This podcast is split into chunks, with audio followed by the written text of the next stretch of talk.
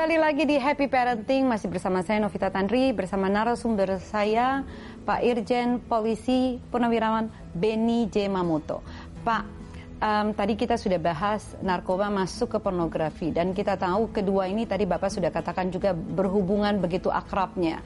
Yang kena ada prefrontal cortex, anak-anak yang masih mencari jati diri ini. Yang kita tahu sampai di usia 20 tahun seorang manusia prefrontal cortexnya ini yang terletak di kanan ke atas ini belum berkembang dengan sempurna jadi narkoba, kita bicara tadi pornografi, kita bicara radikalisme, terorisme dengan begitu mudah masuk dan mencuci otak anak-anak kita. Bapak melihat keadaan kondisi akhir-akhir ini, bukan PR kita bukan narkoba aja nih sekarang Pak. Narkoba, pornografi, radikalisme, radikalisme dan terorisme. Bapak melihat ini seperti apa? Apa yang sebenarnya harus dilakukan keluarga, masyarakat dan pemerintah tentunya Pak? Ya kami melihat kondisi ini sudah serius ya sangat serius. Karena apa? E, dengan bantuan perkembangan teknologi yang e, begitu canggih yang real time kemudian masif ketika ya. menyebarkan informasi itu maka anak-anak ini sudah tidak terbatas lagi dia ada di mana. Bahkan sampai di ruang pribadi di kamar tidurnya sendiri dia bisa terus uh, mengakses informasi. Jadi itu. berarti anak-anak berada di dalam kamar belum tentu aman ya Pak zaman iya, sekarang? Iya, kita temukan anak-anak ya. tiba-tiba di kamar dikira duduk manis tahun-tahunnya sudah meninggal karena sakau. Ya. Itu ada juga. Jadi itu pengalaman bapak sendiri ya iya. pada saat di BNN ya Pak? Jadi kondisi ini yang uh, membuat kita semua, tentunya pemerintah dalam hal ini Kemenkominfo karena bertanggung jawab masalah informasi ini bagaimana uh, apa menutup situs-situs porno, situs-situs radikal, kemudian bagaimana membuat filter-filter, bagaimana membuat counter. Nah ini bagaimana institusi terkait membuat counter. Jadi seperti contoh Kementerian Pendidikan dan Kebudayaan.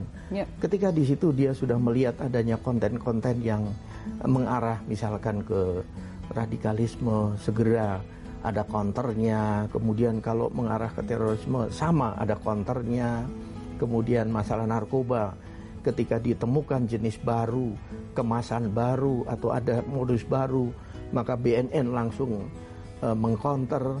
Nah ini perlu kecepatan, ya.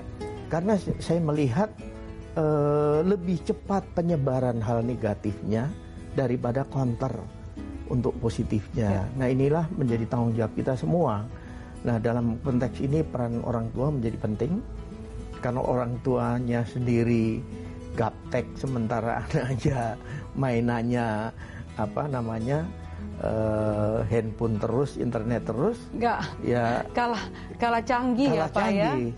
Ketika ada ya. satu ya. isu tertentu anak lebih tahu daripada orang tuanya bagaimana Betul. orang tua akan menasihati anaknya. Ini menjadi penting. Jadi uh, kami rasa kondisi yang sudah serius ini harus dicikapi dengan gerak cepat, Baik. secara komprehensif penanganannya, sehingga diharapkan ke depan ini ada langkah-langkah uh, menghambat percepatan uh, penyebaran hal-hal negatif tersebut. Data saya katakan 300% Pak, narkoba kepada anak-anak ini naik sampai 300% karena sudah masuknya semakin muda yeah. masuk ke anak-anak SD sekarang bahkan ke TK. Betul. Jadi begini, sindikat bagaimana cara memasarkan produknya itu dia akan menciptakan konsumen-konsumen pada level usia dini. 72 triliun tadi per ya, tahun ya Pak belanjanya. Ketika dia berhasil membuat generasi secara masif ya generasi muda secara masif ini sudah terkontaminasi dan mulai ketergantungan maka dia akan dengan mudah menggelontorkan barang itu dan dia memetik keuntungan yang berlebih. Sehingga sasarannya modusnya seperti itu. Bagaimana dikemas kopi satu gelas 250 ribu tapi sudah dicampur narkoba. Bagaimana coklat sudah dicampur. Saya waktu ke Amerika itu lihat buku bagaimana aneka produk dari ganja dijual bebas. Ya. Nah, orang akan dengan mudah mengakses itu dan dengan mudah dia mencontoh.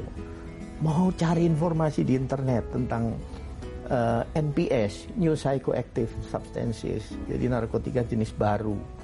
Di Indonesia, Terus baru ya Pak di ya? Indonesia sekarang ditemukan 60, di dunia sudah 600. Itu dampaknya lebih serius. Pak apa sih yang dirasakan i- em, apa ya yang mengkonsumsi narkoba ini zat adik, adiktifnya tuh seperti apa sehingga bisa terus adiksi gitu Pak? Iya, jadi tergantung kan itu dari efeknya bisa depresan, bisa halusinogen, Baik Pak. ya. Jadi tergantung dia akan milih yang mana. Tergantung kebutuhannya dia saat Iya, itu ya Pak. Iya. Nah, dalam hal ini tentunya ketika seseorang ingin kerja lembur, ini bukan ngasih contoh ya. Baik Pak. Ingin kerja lembur nonstop, tetap kuat terus supaya eh, dapat uang lembur lebih banyak. Karena kondisi fisik sudah lemah, maka dia doping dengan narkoba. Dengan artis-artis ini Iya. juga banyak yang Nah, mengkonsumsi ya Pak. Dengan begitu muncul ketergantungan. Mhm. Nah, ketika ini sudah terjadi dampak seriusnya nanti efek ikutan ya dampak ikutan dari mengonsumsi ini kan bisa pembunuhan, bisa KDRT, bisa nanti pencurian, perampokan, geng motor, Iya. kemudian nanti apa namanya eh, kalau pejabat ya korupsi nggak rasa lagi Betul Pak. bersalah dan sebagainya, perkosaan. Nah ini dampak ikutannya itu yang menjadi mengerikan sekali. Betul. Kasus Afriani, nabrak orang begitu banyak dia nggak rasa salah. Tapi setelah pengaruh narkobanya hilang baru dia histeris. Baru nggak nggak ta- nggak tahu bahwa dampak begitu begitu besar dan mengakibatkan korban jiwa yang begitu Iya, banyak. iya, iya. Pak, eh, menurut Bapak kecerdasan spiritual ini juga penting nggak ditanamkan kepada anak-anak sejak dini? Saya ada mengutip quotes dari Pak Beni nih di salah satu berita online. Saya tidak pernah memikirkan apakah jabatan saya, Bapak, Bapak katakan saat itu. Saya pikirkan bagaimana tugas saya sebagai umat Tuhan untuk dapat dijalankan dengan baik sehingga namanya yang dipuja dan dipuji untuk semua umat manusia. Bapak merupakan tokoh yang juga religius? Jadi kalau dalam kehidupan sehari-hari, kalau prinsip saya begini, eh, dengan orang melihat apa yang kita lakukan, perbuatan kita, tindakan kita, kemudian dia orang itu, itu ingin tahu lebih jauh tentang kita dalam konteks bagaimana hubungan kita dengan Yang di atas? yang di atas. Maka sesungguhnya kita kalau bisa melakukan sesuatu sesuai dengan yang diajarkan, ya kita memuliakan yang di atas. Betul Pak. Tapi kalau sebaliknya, ya kita justru merendahkan yang di atas. Mhm. Bapak melihat bahwa eh, kecerdasan spiritual ini anak-anak diajarkan dari orang tua. Kita tidak bicara dengan agama, agama apa pun yang diakui di Indonesia. Bapak melihat ini penting nggak sebagai orang tua, sebagai contoh lagi. Mau dia sebagai imam di dalam keluarga, dalam agama apa pun. Penting nggak sih Pak? Sangat Bapak penting. melihat masuk masuk dalam eh, berkaitan dengan dengan eh, dulu profesi Bapak di BNN. Bapak melihat orang tua ini yang menjadi contoh lewat spiritual ini penting, Pak. Jadi sangat penting sekali ketika kita menghadapi suatu masalah. Masalah itu bisa karena tantangan Baik, Pak. kerjaan yang berat. Bagaimana kita bisa menyelesaikan dengan baik, nggak putus asa dan sebagainya. Kemudian kita menghadapi masalah dalam konteks kita memang dihantam, diserang, ingin dihancurkan oleh uh, pihak lain yang tidak suka dengan kita. Bagaimana kita mempertahankan diri atau bagaimana kita melewati situasi itu dengan baik. Maka diperlukan hubungan kita ke atas. Saya selalu punya prinsip. Ketika saya ditanya, Pak Beni kenapa nggak ada yang ngawal?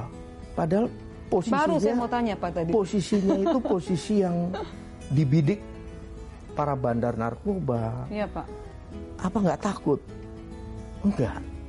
Karena saya punya prinsip kalau kita kerja benar, nggak macem-macem, kemudian hati tulus bahwa kita kerja untuk masyarakat, untuk bangsa dan negara, maka kunci terakhir itu ada di atas. Tapi yang kalau akan mengawal kita Iya, itu yang di atas setiap langkah ya, Pak.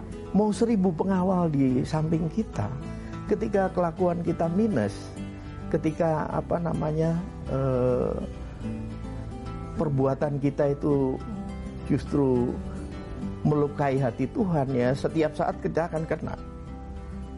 Itu itu salah satu contoh lah. Walaupun saat itu Bapak sebagai Deputi Pemberantasan BNN eh, sebenarnya Bapak sedang berhubungan langsung, berhadapan langsung nih head to head dengan orang bisnis 72 triliun setahun, Pak. Saya ya, Bapak pakai, mengusik, mengusik ini bisnis orang. Saya nggak pakai ajudan.